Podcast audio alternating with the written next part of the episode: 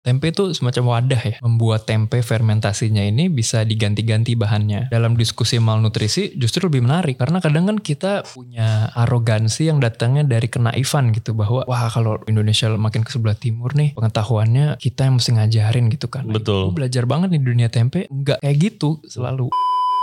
Ya. Di Indonesia enak banget. Seluruh Indonesia nih udah kayak inkubator tempe. Negara empat musim setengah Hmm. mati.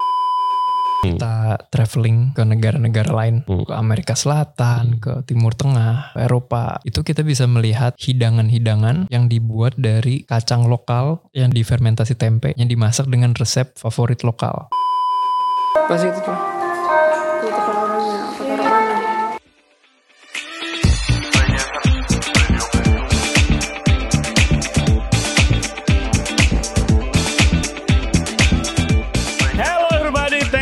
Very much for tuning in to Ray Jensen Radio Podcast. Hari ini kita akan ngebahas soal tempe dengan co-founder dari Tempe Movement, Driando. Nah, Tempe Movement ini mempunyai misi untuk mempopulerkan tempe bukan hanya di Indonesia, tapi juga di seluruh dunia.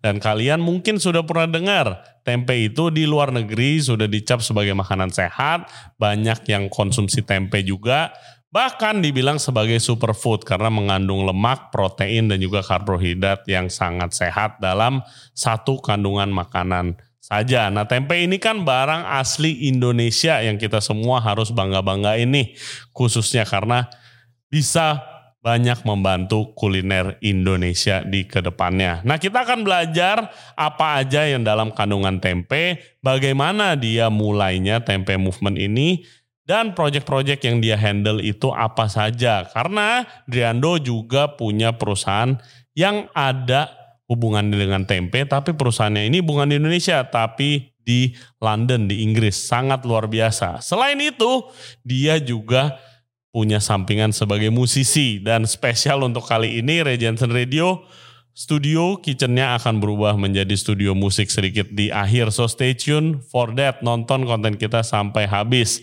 Seperti biasa, jangan lupa subscribe di Jensen Radio Podcast. Kita ada di YouTube, Spotify, Apple Podcast, Google Podcast, dan juga Anchor App. For further updates, cek Instagram kita, Jensen Radio, dan juga di TikTok. And without further ado, please welcome Driando dari Tempe Movement. Enjoy the show. Oke guys, jadi ini guys udah mau gua ajak ngobrol dari beberapa tahun yang lalu, tapi se- belum kesampaian. Ada Driando di sini dari Tempe Movement. Halo men. Thank you banget udah undang. Oh gila, akhirnya kita bisa ngobrol men. Very nice to finally apa sih face to face and talk. Iya, setelah dua tahun. Yes. Jadi guys, uh, Driando ini adalah co-founder dari Tempe Movement yang nanti kita akan tanya-tanya dia ceritanya bagaimana dan juga dari Better Nature, a plant-based food tech company yang adanya di Inggris. Iya. Yes. So how do it all start? Mulainya gimana semuanya? You're amazing, awardnya banyak, musisi juga nanti akan nyanyi, Asik. ya kan? Fa- bikin Tempe Movement. Mulainya dari mana, Dri? Sebenarnya mulainya dari kegalauan ya. Hmm. Jadi waktu S1 gue sering gak bisa tidur. Karena tiap hari gue jalanin tuh kurang masuk akal. Hmm. Emangnya lu jalanin apa? Hidup biasa, Oke. makan, tidur. oke. gitu ya. Ya tiap hari gue makan yang mengkonsumsi sumber daya bumi. Hari Hmm. menghasilkan limbah. Hmm. Tiap hari gue mengenyam privilege pendidikan Hmm. dan keluarga yang berkecukupan gitu. Iya. Itu kan input ya bisa dibilang. Hmm. Outputnya apa? gitu. Oke, lu menghasilkan apa nih? Benar. Gitu kan. Gue udah menikmati semua ini. Terus apa yang gue bagikan ke dunia? Hmm. Dari mana lu dapat pikiran itu? Kayak arti hidup ini gue ngapain nih gitu. Eh, Lagi mencari jati diri pada waktu itu. Iya, ada aja gitu. Tapi nyokap selalu bilang kayak waktu gue kecil nih balita, Hmm. udah bisa ngomong tuh umur berapa ya? Dua gitu kan. Hmm. Kayak kayak gini nih. Kenapa aku hidup ya? Hah? Aku hidup. Kenapa tanganku gerak? Kenapa kalau aku mau tanganku gerak, tanganku gerak? Kenapa aku bisa tahu bahwa aku mikir aku hidup gitu? Sampai orang tua tuh kayak Freak out. udah udah gitu kayak Why? iya Udah udah jangan kedalaman. iya gitu kan tapi eh, pola pikir kayak ini ternyata nggak bisa gue hindari sampai waktu S1 ini Heeh. sering nggak bisa tidur terus itu kan mencari lah Iya. apa cara yang paling familiar googling Hmm. gitu kan. Cara mencari panggilan hidup. Gitu. Hmm. Muncullah ini grafik ikigai, filosofi Jepang gitu kan. Iya. Gabungan dari apa yang kita suka, keahlian apa yang kita punya, Mm-mm. yang dunia butuhkan apa, dan Hmm. apa yang bisa menunjang hidup kita sehari-hari juga. Oke. Nah dari sini cobalah dicocokin. Dulu cita-cita pertama mau jadi musisi. Hmm. Dan musik nih gue belum nemu empat ini. Oke. Kayak baru dua lah. Oke. Terus suka komputer juga suka gitu. Seni lain juga suka. Nah tapi begitu soal makanan karena waktu itu lagi S1 ada relevansi dengan makanan bioteknologi waktu itu. Mm-mm. Kok kayaknya bisa ya ke empat ini. Karena beberapa pengalaman yang dilihat sendiri. Terutama dalam hal apa sih yang dunia butuhkan gitu kan. Hmm. Tiga value sebenarnya. Satu nilai kesehatan. Iya. Dua keramah lingkunganan. Hmm. Tiga keadilan. Iya. Nah ini semua ceritanya beda-beda. Jadi yang kesehatan ini inget banget cerita kakek dulu. Kakek tuh dulu lulusan S1 dokter hewan. Hmm. Waktu itu IPB tuh masih UI namanya. Oke. Dia harus mengoperasi ibunya sendiri, jadi nenek buyut, untuk menghilangkan tumor kanker payudaranya di garasi rumah sendiri. Karena kekurangan dana. The hell. Wow.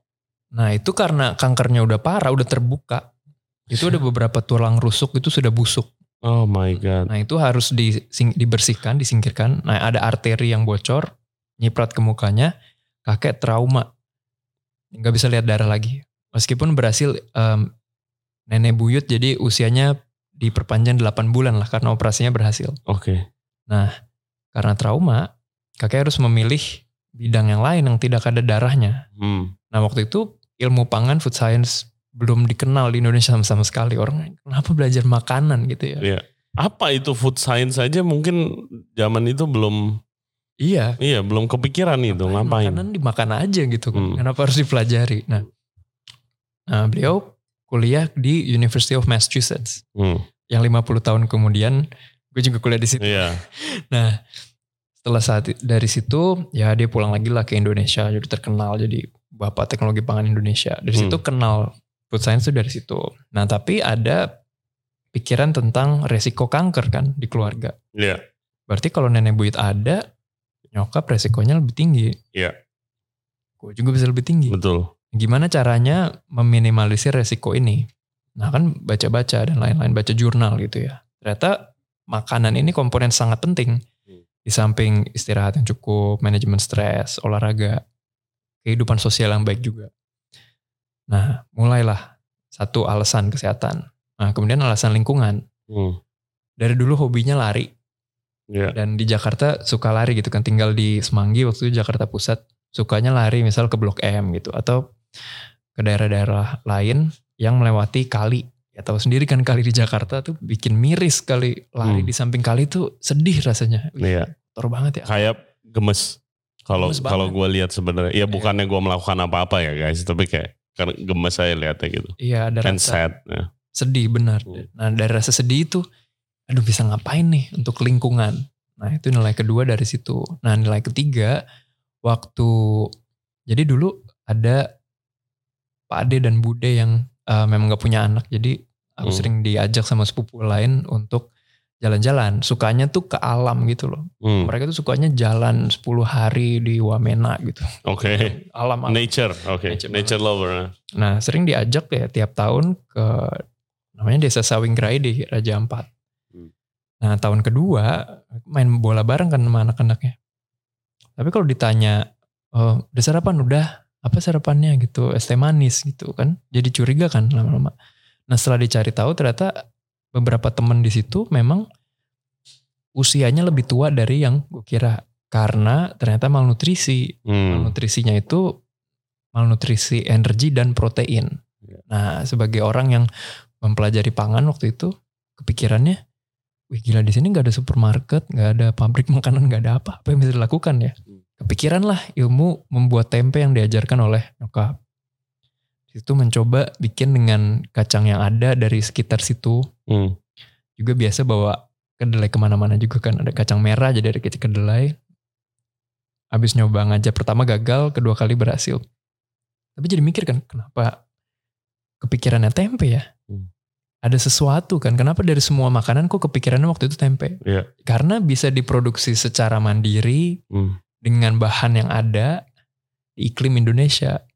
Nah dari situ muncul harapan kayak ih ini kok kalau ini diperkenalkan ada harapan untuk memberdayakan orang gitu, Hmm. membuat kemajuan di Iya. tiga aspek. Nah as- aspek ketiga itu keadilan. Menurut gue kayak kalau cuman orang yang memiliki duit banyak yang bisa hidup sehat itu belum adil kan dunia ini. Hmm. Nah tempe tuh bisa menjadi sesuatu yang memperjuangkan keadilan ini. Iya. Gitu. Nah dari tiga nilai itu, Hey guys, kalau kalian suka konten seperti ini, jangan lupa like the video dan juga subscribe ke channel kita, Ray Jensen Radio Podcast.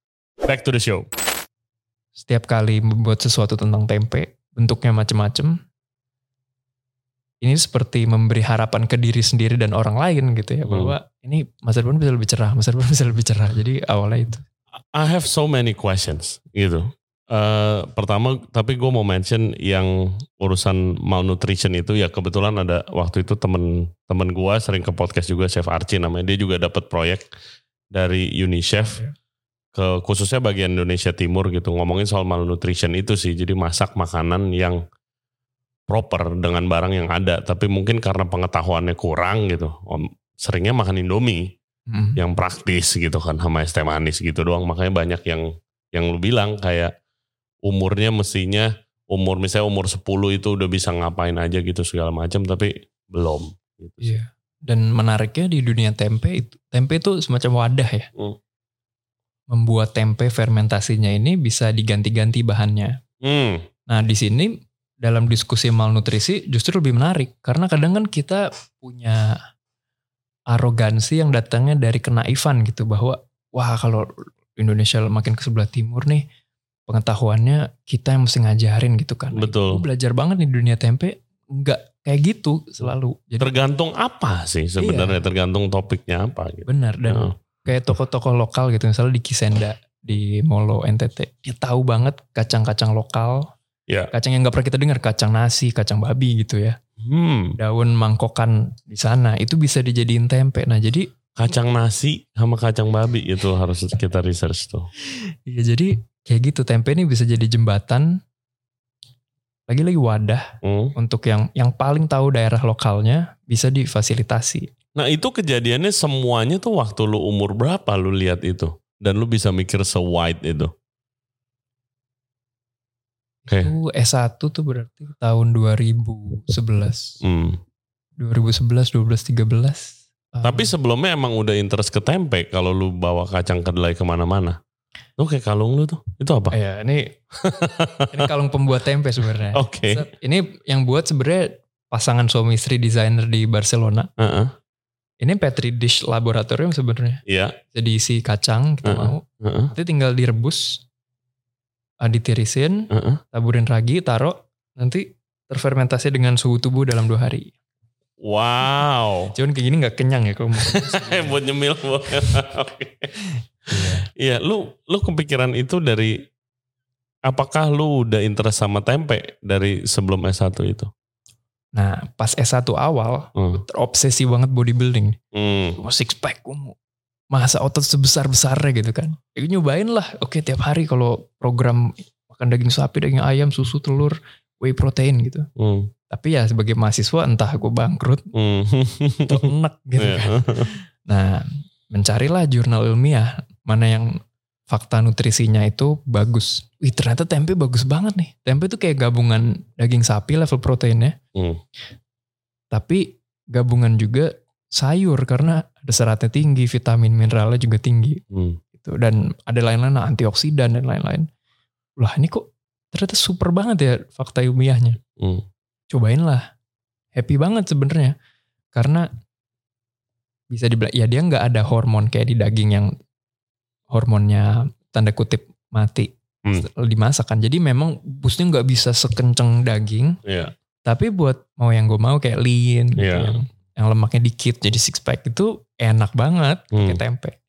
Nah, cuman pas cerita ke teman-teman itu mereka nggak percaya. Kenapa nggak percaya? Ini kan ada jurnalnya anak-anak bioteknologi gitu. Hmm. Karena ada paradigma bahwa tempe itu makanan murah, nggak keren, kuno. Iya, stigmanya itu. Kalau eh, makanan murah, eh, kuno, itu sebenarnya bukan tempe aja, tapi mayoritas makan Indonesia dicap Iya. begitu sebenarnya. It's a problem ya kan. Terus ada kata-kata sering kayak, oh mental tempe gitu. Benar, benar. Stigma negatif tempe Iya, iya. gitu kan emang ada gitu kan. Terus, Benar. Nah, dari situ udah jadi gemes kan nih. Hmm. Gila nih fakta ilmiahnya jelas, tapi orang nggak mau percaya karena ada suatu tembok nih. hmm, Pengen mecahin tembok ini. Nah temboknya itu adalah tempe nggak keren. Iya. Sejak situ gue mikir, coba kalau gue berusaha membuat tempe keren, bisa jadi gue membantu banyak orang nih. iya, Kan membuat orang semakin tidak ragu untuk makan makanan yang bergizi, ramah lingkungan dan terjangkau. hmm, Asli Indonesia lagi. hmm, Nah dari situlah mengumpulkan, "Ih, ini kok unik banget ya. Belum ada nih yang mendalami ini dan membawa ke gaya keren. iya, Dari Wih, bisa jadi ini tujuan hidup gue nih yang orang lain belum lakukan nih. hmm, Kayaknya gue bakal berarti nih kalau melakukan. Nah mak- makanya ada itu tahun 2011-12. Hmm. Yang tadi yang trip-trip tadi itu ada di tahun 2014-15-16. Jadi waktu itu udah oke. mendalami tempe. Jadi lahirlah tempe movement ini. Iya. Terus abis itu terbentuk, kalian ngapain? Aktivitas kalian tuh ngapain aja tempe movement? Nah sebenarnya terbentuknya nggak langsung ya. Hmm, Oh ya BTW sejarah tempe kan. Oh, Hmm, ini tempe ini makanan murahan. Iya. Kalau dulunya pertama kali tempe didokumentasikan di tahun 1660-an hmm. itu tuh oleh Di Indo kan berarti Di kan? Indonesia. Iya. heeh. di Klaten, Hmm. Jawa Tengah itu tempat lahir kakek. Terus kan Oh, mikir gila nih. My God, it came to full circle ya. Makanya. Tech, universitasnya sama. My Kayak, ada apa ini? Creepy juga. Merinding. ya di tahun 1660-an itu didokumentasikan oleh Paku Buwono keempat. Artinya ini tuh pangeran Iya. kerajaan Solo waktu itu disuguh oleh semacam pemimpin daerah Klaten ini dalam bentuk sambal tumpang kayak Hmm, sambal kari tumpang. tempe, Iya, kari tempe. santan, bawang merah, Mm-mm. cabai dan lain-lain sayuran rebus. Jadi awalnya tempe itu hidangan untuk tamu kehormatan, Yes. tapi Dan- ada periode tanda kutip ya kegelapan, Mm-mm. begitu udah di mana-mana, udah murah, bahasa Inggrisnya taken for granted, gitu Hmm, kan kayak nggak ada. Terus eh, memang ada beberapa analogi yang negatif, walaupun intensinya bukan begitu. Misalnya Presiden Soekarno gitu ya, jangan jadi bangsa tempe, Nah, jangan bermental tempe. iya. Nah, padahal maksudnya adalah cara produksi tempe zaman dulu itu ya sama kayak cara produksi wine zaman dulu, Hmm. diinjek-injek kan buat Iya. ngupas kulitnya. Maksudnya jangan mau jadi bangsa yang diinjek-injek, mentalitas yang mau diinjek-injek. Hmm. Padahal kalau tempenya sendiri sebagai makanan, nah ini bukti ilmiahnya di tahun 2000-an nih mengangkat bahwa ini tuh makanan yang tanda kutip super. Nah, waktu lu mulai tempe movement, apakah lu eh, sempat kepikiran bahwa ada potensi tempe itu seperti sekarang yang bahkan dulu kayak digembar-gembarin wah superfood dari Indonesia gitu kan banyak eh, orang-orang dari Eropa, orang-orang dari US bahkan mulai produksi tempe jualan di sana untuk kayak healthy food, bahkan ada bikin bisnis atau restoran yang basisnya tempe gitu, udah mendunia banget. Apakah lu lihat potensi itu dari sebelumnya?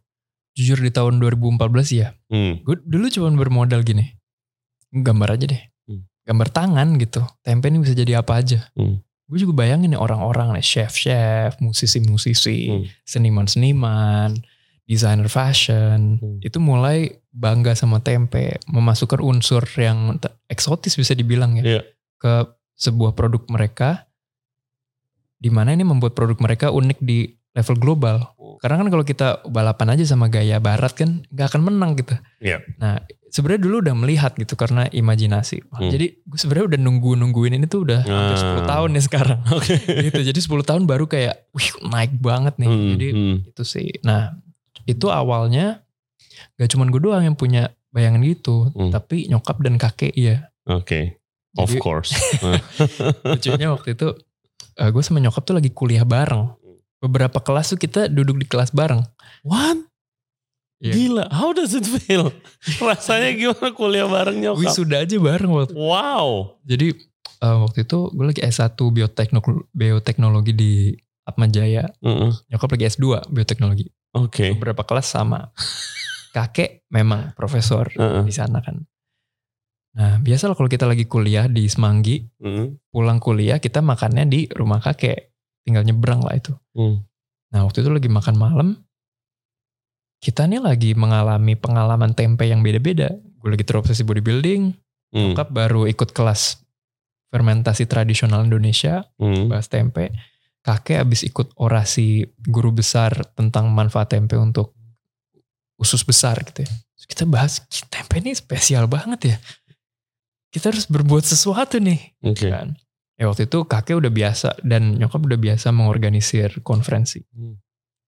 Gue juga waktu itu udah pernah mengorganisir konferensi. Jadi kita kira oke kita buat conference nih Hmm. ilmiah di bulan Februari 2015.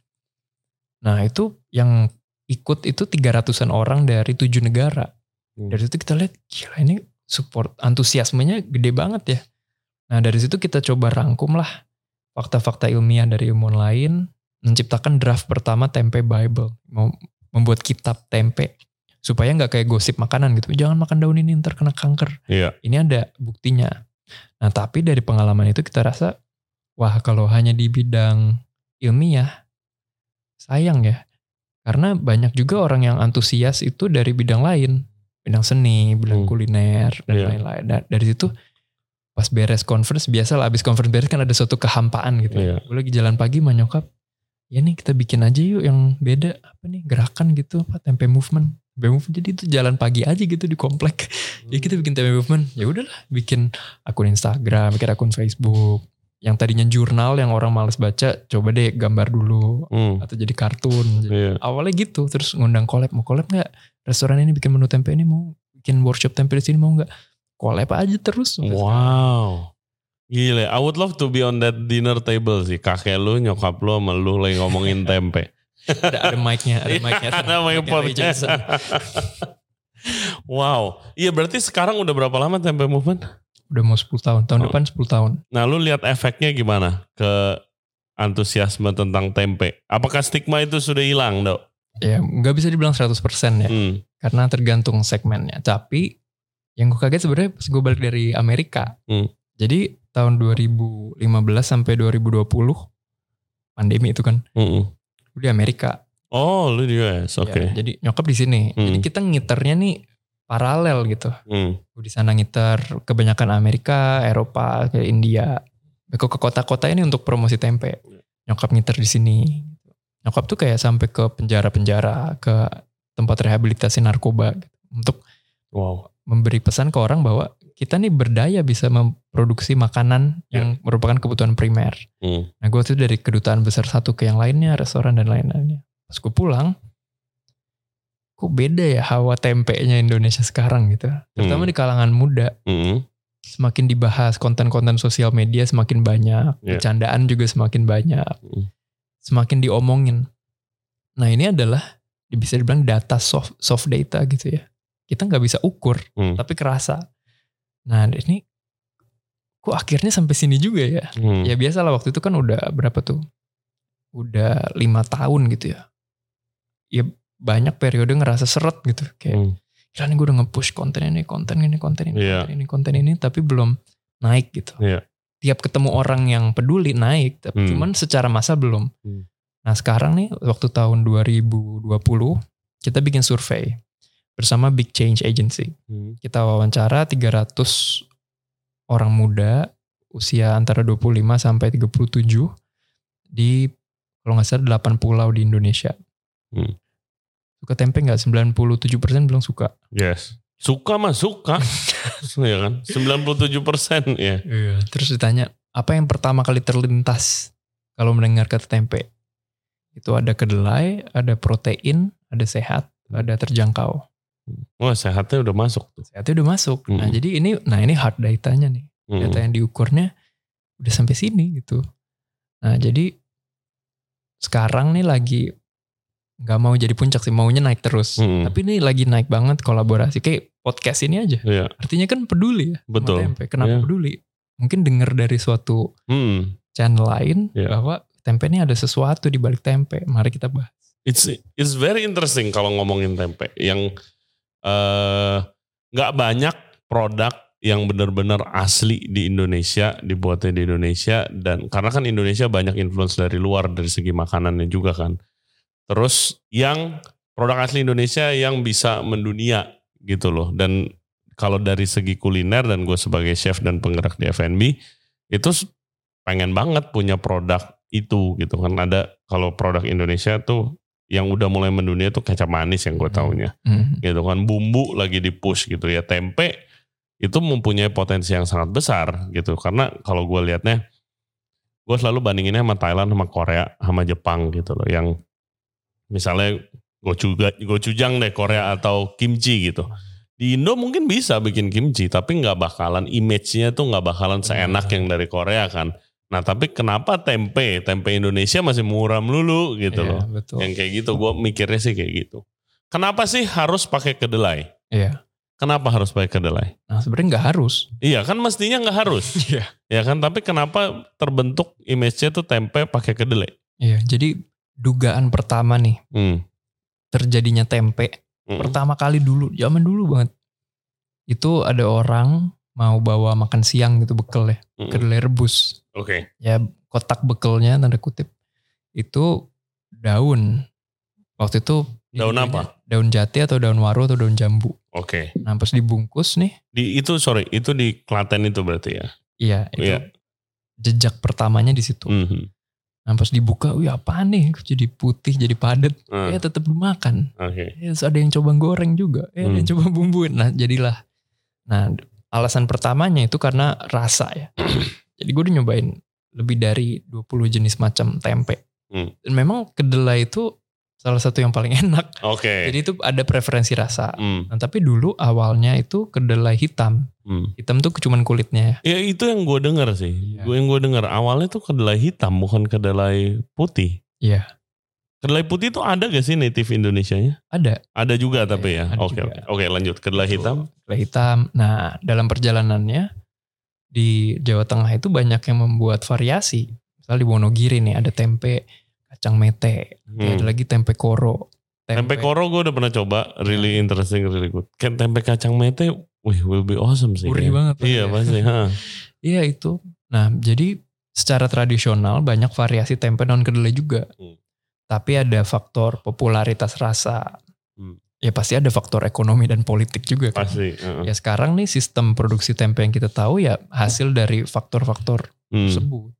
Yang menurut gue pribadi, lingkaran ini masih bisa diputus atau bisa dibilang Diubah lah gitu. Iya. Iya. Sampai yang gua dari kacamata lu gimana lihat sampai impor kedelai Betul. buat bikin tempe. Waktu itu gue inget kok karena gue punya restoran Indo waktu itu harga tempe tiba-tiba mahal. Iya. Kayak satu papan gitu 30 ribu. Nggak make sense banget. Itu food cost gue berantakan banget. Karena sebagai restoran Indo, orang tuh biasa mesen aja tempe tahu gitu kan. Standar lah mesen main course pesen tempe tahu. Itu bikin gue sulit banget gitu. Sampai ada begitu. Malah ketergantungan sama import gitu. Itu dari kacamata lo, bagaimana kita bisa fix itu? Dan kenapa bisa kejadian kayak gitu? Ya memang idealnya adalah untuk menjadi mandiri ya. Itu idealnya. Hmm. Nah sebetulnya pemerintah Indonesia sudah berusaha banyak. Hmm. Misalnya nih kemarin main ke Balai Pasca Panen dan Pengembangan Bibit ada di Hmm. Bogor. Kita Hmm. ngobrol. Kita nih punya kacang-kacang kedelai yang varietasnya superior. Misalnya dibanding kedelai impor. Hmm. Itu proteinnya lebih tinggi. Profil asam aminonya juga lebih tinggi. Bijinya juga besar, bagus, kuning. Hmm. Enak rasanya. Itu ada. Hmm. Tapi ada PR berikutnya yaitu scale up. Cara memproduksi massal Pertaniannya itu. pertaniannya. Iya. Nah kalau di Amerika, gue, gue udah pernah ngobrol nih sama petani kedelai Indonesia dan Hmm. petani kedelai Amerika yang mengimpor ke Indonesia. Oke. Jadi di Amerika ini di Illinois itu sistem pertanian udah beda banget. Hmm. Eh, Lebih terotomatisasi, traktornya juga udah gede-gede banget gitu. Iya. kan. heeh. Jadi masuk akal mereka bisa mendapat harga lebih murah. Iya. Skill nah ini yang belum dikejar. Hmm. Nah ada faktor ini juga ada faktor ya otomatis lah ada faktor ekonomi, faktor politik mengikuti. Nah berikutnya ada faktor juga preferensi harga tempe di masyarakat. Hmm. Misal harga tempe naik ya kita kan kayak Ya kayak gua ke mana. gitu kan. Karena tempe harusnya murah itu kan Iya, ya, itu harus diakui kan. Shit, iya gue jadi guilty of that juga. Ya bener-bener. Nah, pengrajin tempe Hmm. tentu merasakan preferensi ini kan. Ya, kliennya yang beli kan mengeluh kalau naik. Jadi ngapain gua bagus-bagus produksinya. Atau bersih-bersih kayak gitu gak sih? Biasa makan Indonesia kayak gitu tuh. Iya sebenarnya mereka kalau pengen bersih pengen. Hmm. Cuman mungkin nggak tahu definisi bersih yang standar industri Hmm. dan fokusnya sebetulnya harga sebenarnya kan harus harus profit. Betul itu kejadian di coklat sih dok. Hmm. Kayak gue berapa kali ngundang yang ahli coklat di sini. Itu kayak ya Indonesia punya banyak banget coklat bagus yang standarnya nggak main-main juga. Iya. Eh, dan juga soal seafood gitu ikan ikan Indonesia sama Jepang sama mana pun bisa diadu mestinya gitu kan. Tapi ya karena peminatnya itu maunya murah, kejadiannya either kalau di ikan ya yang bagus diekspor aja, yang mau Iya. terima dengan harga mahal, di sini kita dapat sisanya. That's the truth gitu kan. Sama kalau coklat, ya mereka don't even bother to kayak bikin yang bener-bener bagus sesuai potensinya, karena toh harganya sama kok sama pengepul gitu kan. Itu juga kejadian di kedelai berarti atau di tempe, produksi Nah, tempe gitu. Nah cuman itu bukan salah konsumen kok. Hmm. Karena kan wajar konsumen udah punya standar. Iya persepsi harga. sendiri. Nah, heeh. tapi justru ini peluang untuk inovasi. Hmm. Misalnya nih kita nih tempe di tukang sayur harganya naik kan kita kerasa ya kayak ya tempe kok jadi mahal. Hmm. Tapi begitu kita dikasih nih keripik tempe rasa barbeque, Iya. standar kita kan mulai kabur nih kayak Hmm. keripik tempe rasa barbeque itu gue harusnya harga berapa mulai nggak tahu kan. Hmm. Nah ini baru keripik tempe. Nanti misalnya tempe protein bar gitu. Hmm. Ada yang bentuk inovasi lain. Hmm. Ini bisa mendisrupsi sistem ini. Di mana nilai tempe itu bisa lebih tinggi. Ya kuncinya di inovasi. Nah nanti kalau konsumen sudah mau membayar lebih tinggi untuk produk inovasi tempe, pengrajin tempe juga lebih fleksibel kan memilih bahan bakunya. Hmm. Dari bahan bakunya, petani juga lebih fleksibel memilih yang Iya. harga jualnya juga bisa tinggi. Yaitu Betul. kedelai lokal sekarang lebih tinggi. Nah jadi Iya turun. pribadi titik intervensinya ada di permintaan pasar. Hmm. Karena kalau enggak ya secara ekonomi ini enggak enggak jalan semua gitu. Nah, jadi itu sih yang sedang dicoba dilakukan. Kalau ekspor gitu mungkin nggak sih? Ekspor tempe. Apa gara-gara bikinnya cukup mudah, orang bikin langsung di sana gitu? Ekspor tempe sudah terjadi Hmm. ke Jepang dan Korea Selatan. Hmm. Nah, tapi baru-baru ini, baru setahun terakhir gitu. Oke, berarti udah mulai ya. Iya. Ya, at least mulai dulu, Iya, ya kan? karena sebelumnya kan logistiknya. Hmm. Tempe nih tiga hari sebenarnya basi. Hmm. Gimana ya? Apa kita perlu bekuin? Apa kita mesti refrigerasi? Hmm. The best way apa tuh keep tempe? Nah, sebenarnya tempe itu punya plus dan minusnya dalam tiap bentuk. Hmm. Misalnya nih, coba yang paling mer- membuat merasa bersalah kalau dimakan tempe apa? Ada Tempe nggak? goreng. Iya kan, tempe Iya. goreng. gitu. Banyak banget yang nanya tempe goreng masih bagus enggak kan Hmm. udah digoreng minyak panas. Iya.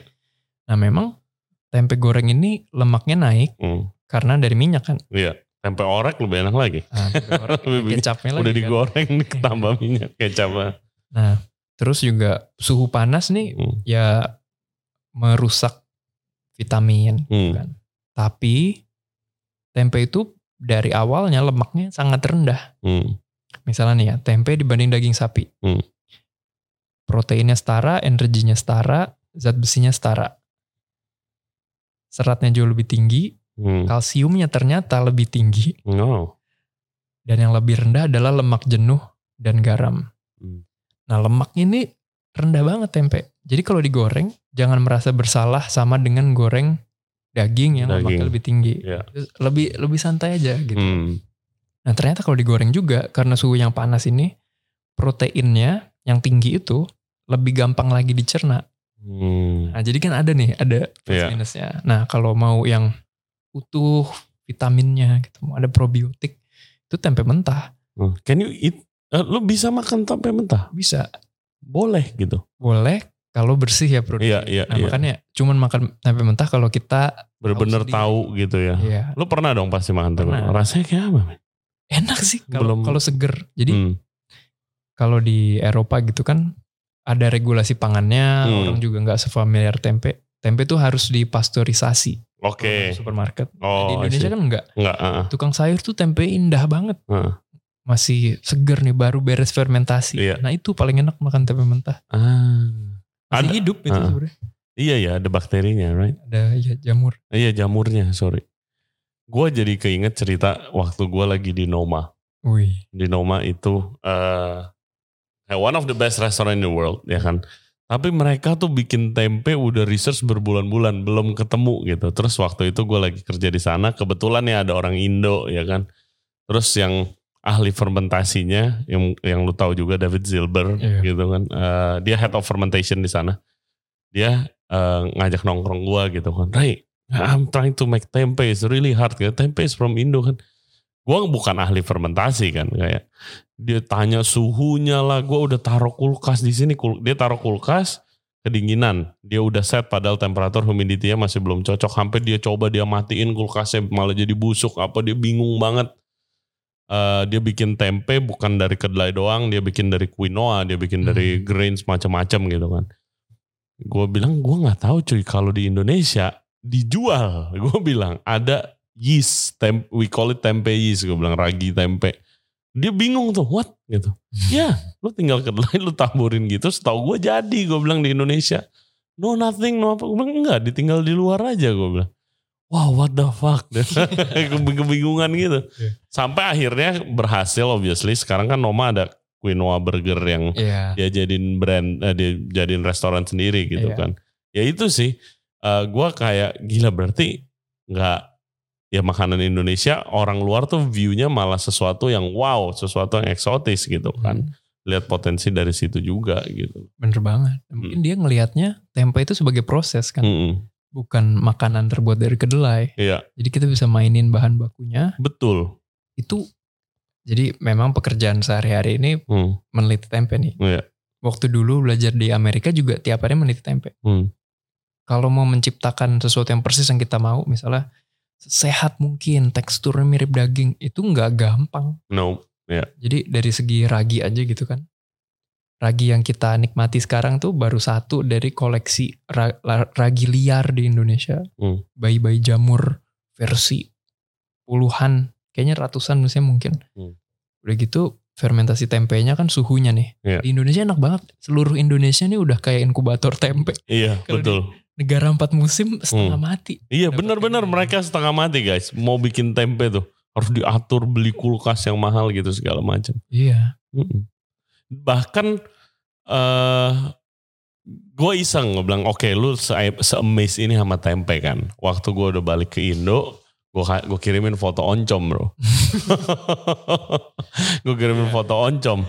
Nih lu tahu gak gue bilang. Dia malah amazed lagi dia bilang lah setahu gue jamur yang jenis ini itu nggak bisa dimakan gitu segala macam. Kalian makan You guys are crazy. Gue bilang, gila kita makannya dari kecil men. Gue bilang gitu. Iya, oncom lagi warnanya bisa. Makanya gue Yes. nungguin ada yang bikin oncom movement nih. Iya. Belum ada yang bikin. Mau dibawa ke mana tempe movement? Jadi visinya sebetulnya Hmm. misalnya nih 20 tahun lagi Hmm. kita traveling ke negara-negara lain, Hmm. ke Amerika Selatan, Hmm. ke Timur Tengah, ke Eropa. Itu kita bisa melihat hidangan-hidangan yang dibuat dari kacang lokal yang difermentasi tempe yang dimasak dengan resep favorit lokal. Wow, Ibarat- itu misinya ya. Misinya bukan bukan kayak tempe Indo ke sana kemari, bahkan lokalnya itu ya. Sebetulnya dua-duanya itu satu jalan. Hmm. Begitu tempe itu segitu populernya, Iya pasti akan adaptasi mereka buat dengan barang lokal mereka kan. iya orang akan melihat Indonesia kayak Mekahnya tempe kan. Hmm. Jadi Iya. itu otomatis. Nah, Wah amin amin. ya amin kan. Nah, itu sih serunya. Lu juga eh sering nyoba-nyoba tempe pakai kacang-kacang yang lain. Iya. Gua pernah lihat kalau nggak salah postingan lu ada tempe dari almond kalau nggak salah. ya. Iya. Itu rasanya kayak gimana men? Kalau tempe almond mirip almond sih. Hmm. Ya ada Apa kan jadi empuk gak sih almondnya apa enggak? nggak terlalu Hmm. sebetulnya. Karena si fermentasi tempe itu biasanya penetrasinya 2 mm. Hmm. Jadi kalau kacangnya segini ya 2 mm dia penetrasinya Oke. gitu. Gila. Gue jadi pengen nyoba-nyoba fermentasi sih. Gimana sih as simple as kayak kalau mau se- seorang home cook deh gitu Iya. untuk bikin tempe di rumah, what do I have to do? Sebenarnya yang paling harus dimengerti adalah prinsipnya. Heeh. Kan kalau kita bikin roti sourdough gitu kan. Iya, kalau kita tahu tekniknya lah ya. Prinsipnya kan Hmm, bisa diotak-atik. Iya. Nah, prinsip fermentasi tempe adalah membahagiakan bayi-bayi jamur tempe. hmm, Untuk membuat mereka bahagia, kita harus memberikan makanan dan kamar untuk tidur siang. hmm, Nah, makanan yang dia mau itu adalah makanan yang matang dan empuk oke. dan tidak terlalu basah. Nah, prinsipnya adalah apa pun bahannya, kalau kita bisa makan, bayi jamur tempe juga. Misalnya nih, kedelai kering, kita nggak bisa makan ya. Iya. Keras gitu. Betul. Kedelai rebus, kalau nggak dikupas, nggak enak juga kita. Hmm. Kedelai rebus kupas, kita enak makannya. Ah, Sama. Semua kacang. Biji duren juga. Biji duren mau dijadiin tempe, sama prinsipnya. Wow. Kalau kita makan gitu kan nggak bisa ya. Nggak bisa, lu Direbus kupas. dulu, Iya. kupas dulu, potong lebih kecil, kita makannya oke lah. Heeh. Bayi jamur tempe juga bisa. Nah gitu, jadi makanannya kayak gitu. Kalau kita udah mengetemukan si serbuk bayi jamur tempe ini, Mm-mm. yang awalnya adalah jamur liar yang tumbuh di bawah daun-daun di Mm-mm. alam gitu. Kita ke- ketemukan, kita aduk, kita masukkan ke kamar tidur. Nah kamar tidurnya syaratnya harus ada sirkulasi udara, tapi tidak terlalu banyak. Hmm. Jadi sedang-sedang lah. Makanya kalau di daun yang dilipat itu udah lang otomatis sedang karena ada celah-celahnya. Iya, Kalau plastik harus dibolongin betul. jarak satu senti atau satu mi- satu inch. Kalau sekarang banyak yang ingin mengurangi sampah plastik, jadi pakai tray, Hmm. masukin oven, nyalain lampunya doang, itu udaranya sedang, suhunya juga sedang. Suhunya berapa yang the perfect uh, temperature to make tempe? Antara 27 sampai 32 derajat Celcius. Oh iya, suhu Indo. Iya. Ya kan? iya, 27 Iya. sampai 32. Terus dua hari gitu. Nah, tergantung makin tinggi suhunya makin cepat. makin Hmm. lambat suhunya makin lama. Tapi hasilnya beda. Kayak di Malang nih kan. Malang kan dataran tinggi, Ya, rada dingin. Hmm. rada dingin. Fermentasinya cenderung lebih lama. Tapi karena lama, dia kalau kita iris tempe ada putih-putihnya kan. Hmm. Putih-putih itu badan jamur tempe namanya miselium. Ya. Miseliumnya masuknya punya waktu lebih banyak. Jadi tempe Malang kan biasa padat banget ya. Hmm. Rasanya pun beda. Jadi begitu. Misalnya di Jakarta nih panas banget bisa cepet. Tapi beda sama tempe Malang. Hmm. gitu. Nah, rentangnya adalah 30 sampai 72 jam. Oke. Wow. Nah begitu guys cara bikin tempe yang bener. Ya belum lagi ngomongin makanan turunan tempe dari oncom tadi, Iya. dari ada tempe bosok, tempe mendoan. Itu yang gua tahu doang. Gue yakin lu tahu lebih banyak lagi gitu kan. Kemarin lucunya, gue juga neliti oncom. Hmm. Oncom tuh sepupunya tempe. Hmm. Nah, jadi caranya kita ambil oncom nih. Hmm. Kita cek di laboratorium isinya nih siapa. Nah, kalau tempe tuh bayi jamuran namanya Rhizopus. Hmm. Kalau oncom namanya Neurospora. Hmm. Ternyata di oncom yang biasa gue makan di Bogor, dalam satu oncom itu tuh mereka berdua tumbuh bareng. Hmm. Jadi ternyata oncom yang gue makan di Bogor adalah campuran jamur tempe dan jamur oncom yang tumbuh bareng. Hmm. Gak tahu nih mereka ternyata tumbuh bareng selama ini. wow. Gila. Oke, next kan gua dengar-dengar ada tempe temple, Iya. right? Tempat lu untuk apa? eh bikin kelas juga kan di Iya. sana kan? Yes, would love to go Iya, there boleh. and learn. Sekarang masih ada waktu gak buat bikin kelas-kelas gitu loh? Sekarang jujur nggak banyak, nggak sebanyak dulu ya. Hmm, Ya tapi boleh banget lah. iya. Kan bisa disatuin komunitas ini, komunitas ini. Yes, nanti kita Iya. bawa chef-chef pasti would love to learn so much about tempe, man. Oke, next kita mau ke your food tech company. Iya. Eh, Better Nature dan adanya di Inggris. Gimana cara lu lu di sini punya company di Inggris Jadi dan lahirnya dari mana itu? Better Nature ini dimulainya tahun 2018. Hmm, Itu tahun keempat membuat tempe movement. hmm, Jadi bikin tempe movement dulu nih kan mau promosi tempe, promosi tempe. Tapi ada satu aspek yang gerakan ini tidak bisa lakukan. Gue di tempe movement, gue memprovokasi orang-orang kan. Hmm. Tempe ini potensinya gede, bikinlah produk tempe, bikinlah keripik tempe, bikin tempe protein bar gitu-gitu. Bikin vegan nih bakal naik waktu itu. Kayak bikinlah makanan vegan karena lebih ramah lingkungan Hmm. dan lain lebih sehat juga dan lain-lain. Nah dari sini lama-lama di tahun keempat tempe movement ini ada ada yang mentok gitu. Kok nggak ada orang yang menseriusin ide-ide yang kayak gini ya? Untuk inovasi yang butuh istilahnya R&D lah, Hmm. ngulik di lab. Di saat yang bersamaan waktu itu gue lagi daftar lomba-lomba. Karena waktu itu di tahun pertama gue lagi S3 di US nggak dapet beasiswa Hmm. kan jadi kerja di dapur lah masak juga apa Standar. standar Dapur larian buat Dapur cari duit larinya. cepet. ya bersihin meja gitu gitu kan dari situ bertekad wah gila gila gue harus survive nih harus ikut semua lomba yang gue bisa ikut Hmm. akhirnya gue ikut 120 lomba lah selama lima tahun di Amerika itu My God.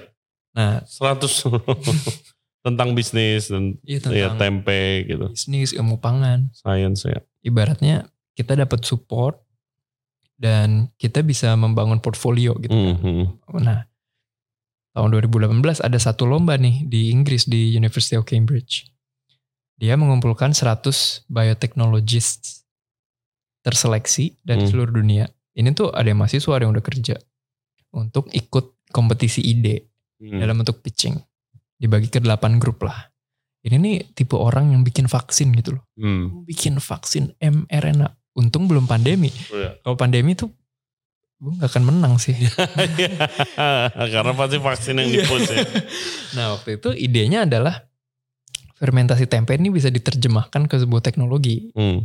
gitu kan teknologi mesin pembuat tempe sederhana yang bisa ada di rumah orang ada bisa di pabrik kecil Oh. untuk menciptakan makanan yang ramah lingkungan yang Hmm. sehat dan terjangkau di mana aja gitu Hmm. istilahnya mau mendesentralisasi produksi protein nah ide ini menang juara satu Wow. menang juara satu bareng temen gue yang orang bisnis Hmm. dia biochemist juga cuman udah lama di Inggris dan suka banget bisnis. Nah kita berdua memutuskan wah ini hadiahnya hanya boleh dicairkan kalau kita membuat perusahaan. Iya. Iya nggak ide doang duitnya diambil. Iya jadi kita "Gila, ini beneran nih gue lagi S3 setengah mati tiap hari meneliti itu setengah mati waktu itu tapi oke let's go Nah. ya kita mulai deh nah ketemulah dua co-founders lain Hmm. nah satu nih orang Italia yang pernah ke Indonesia dan jatuh cinta sama tempe. Begitu balik ke Italia dia merasa kehampaan nih. Oh. tiap hari email tempe movement. Sampai buset nih orang. Ya udahlah ketemu aja. Pas Hmm. ketemu dia udah bawa prototype tempe udah dibumbuin siap microwave. Oh. oh, gila nih. Let's go. Oke satu lagi dia ahli marketing. Yang Hmm. udah dapat award di perusahaannya gitu. Eh, temen eh, sama co-founder yang pertama dia teman kuliah di Oxford waktu itu. Kayak wah ya udah deh. Waktu itu juga hype di industri plant based food di makanan nabati tinggi banget kan Yap. Yap. jadi momentum itu pas banget dengan ide tempe ini meskipun ya lagi dihadapkan dengan sebuah kenaifan ya. Oh ide gue yang awal nih nggak semudah itu menerjemahkannya ke industri sekarang. Hmm. Nah akhirnya oke kita perkenalkan tempe dulu sebagai bahan makanan yang populer, istilahnya mainstream food ingredient. Baru nanti dari situ kita bisa eksplorasi inovasi tempe yang lain. Nah dari situ deh, jadi sekarang nih kita bakal udah masuk di supermarket terbesar sih di Inggris ya. Tesco. Terus masuk juga di um, Waitrose masih ngobrol sih. betul. Untuk Untuk- produknya apa? Nah produk tempe kita tempe yang gampang banget dimasak. Hmm. Udah dibumbuin, Oke. udah dipotong, tinggal panasin dikit.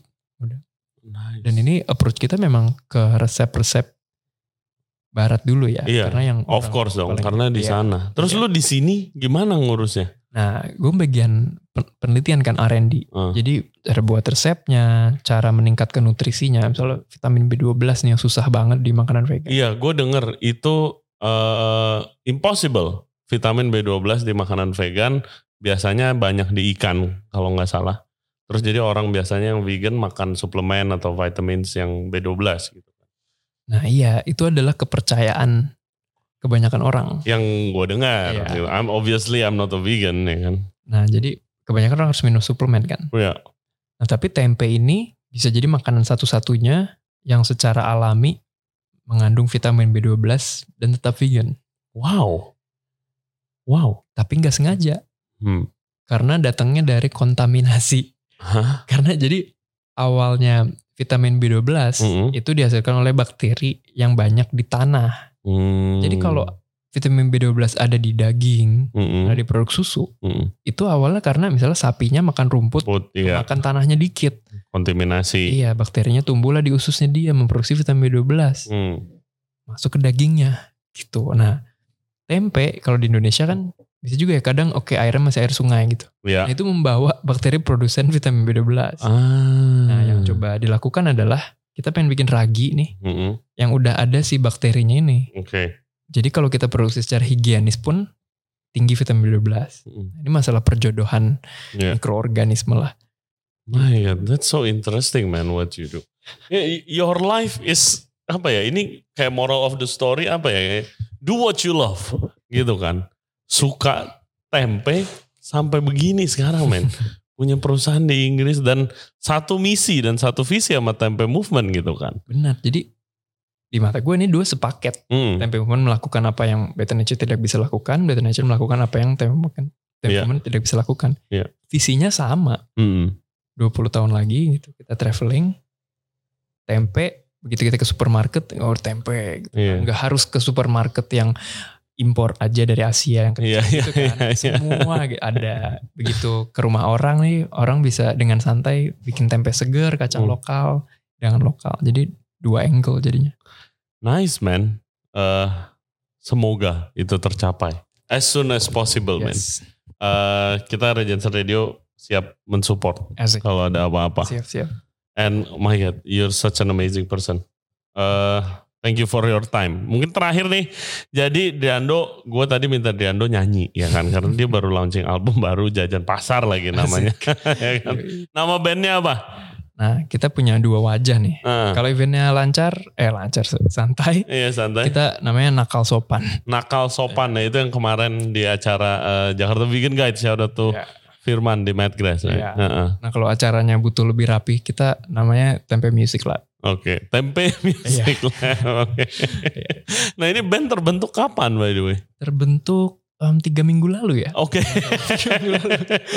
iya, ini teman-teman lama banyak, Eh. teman lama dan baru lah. Oke. Yes, eh Driando abis ini sebagai closing, jadi nanti akan eh, main eh, satu lagu, ya kan? Mau lebih juga terserah bro. Satu aja satu. Oke. Eh, tapi sebelum penutupan, eh gue ada eh, little question, eh, little game, fast question gitu. Namanya you better know it biasa kita kita Oke. bilangnya di sini. Jadi pertanyaan pasti lu udah tahu jawabannya. Ada beberapa pertanyaan, oke? Eh, Oke, you better know it, Driando Tempe Movement Edition. What's your biggest, eh, uh, what's the best advice you ever had, man? Semua terjadi tidak tanpa alasan dari kakek. Oke, semua terjadi tidak tanpa alasan. Kalau the worst advice, gimana? Jangan S3 lah, lu harus belajar kerja di bawah orang. Oke, kerja dulu. Waduh. Oke. Uh, next question.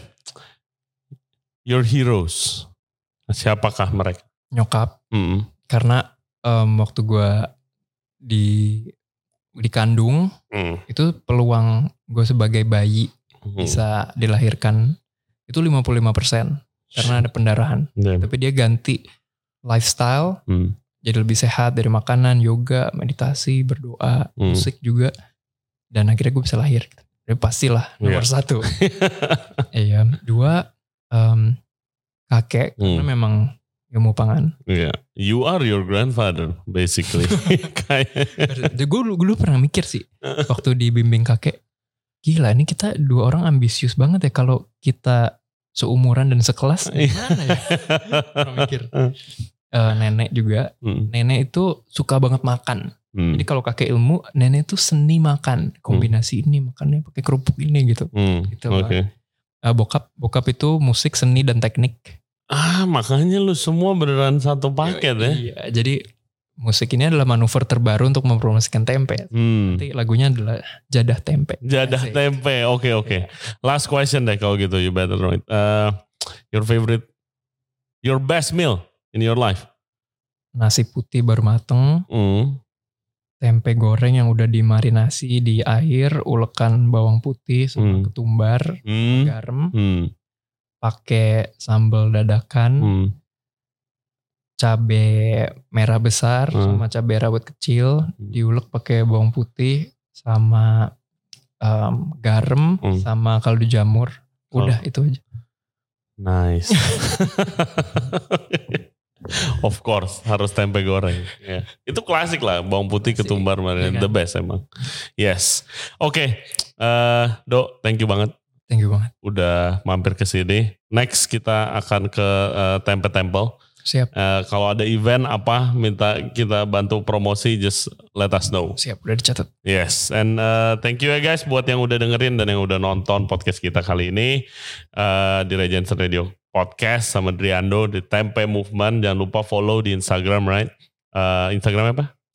At Tempe Movement, at Driando, at Better Nature Tempe. Ya, oke.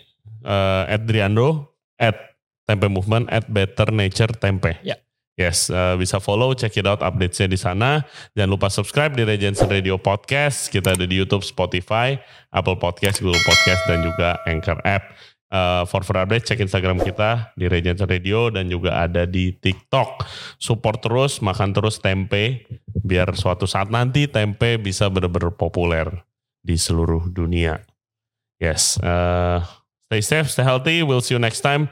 Dan please welcome nih jajan pasar. Asik. Let's go. Oke. Ku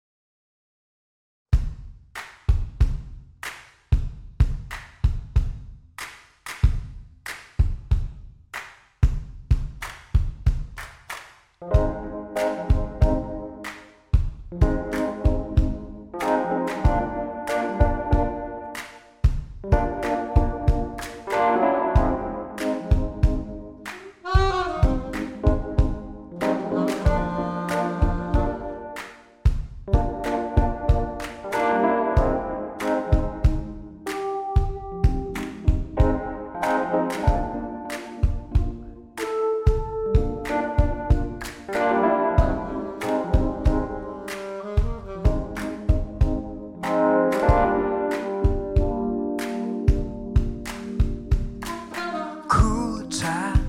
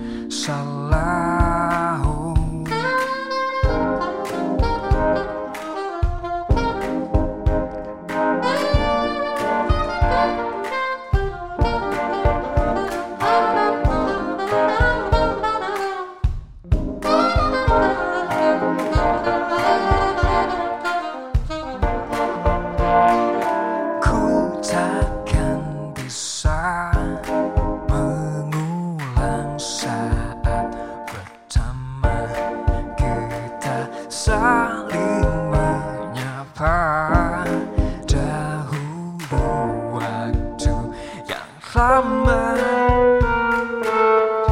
takkan terganti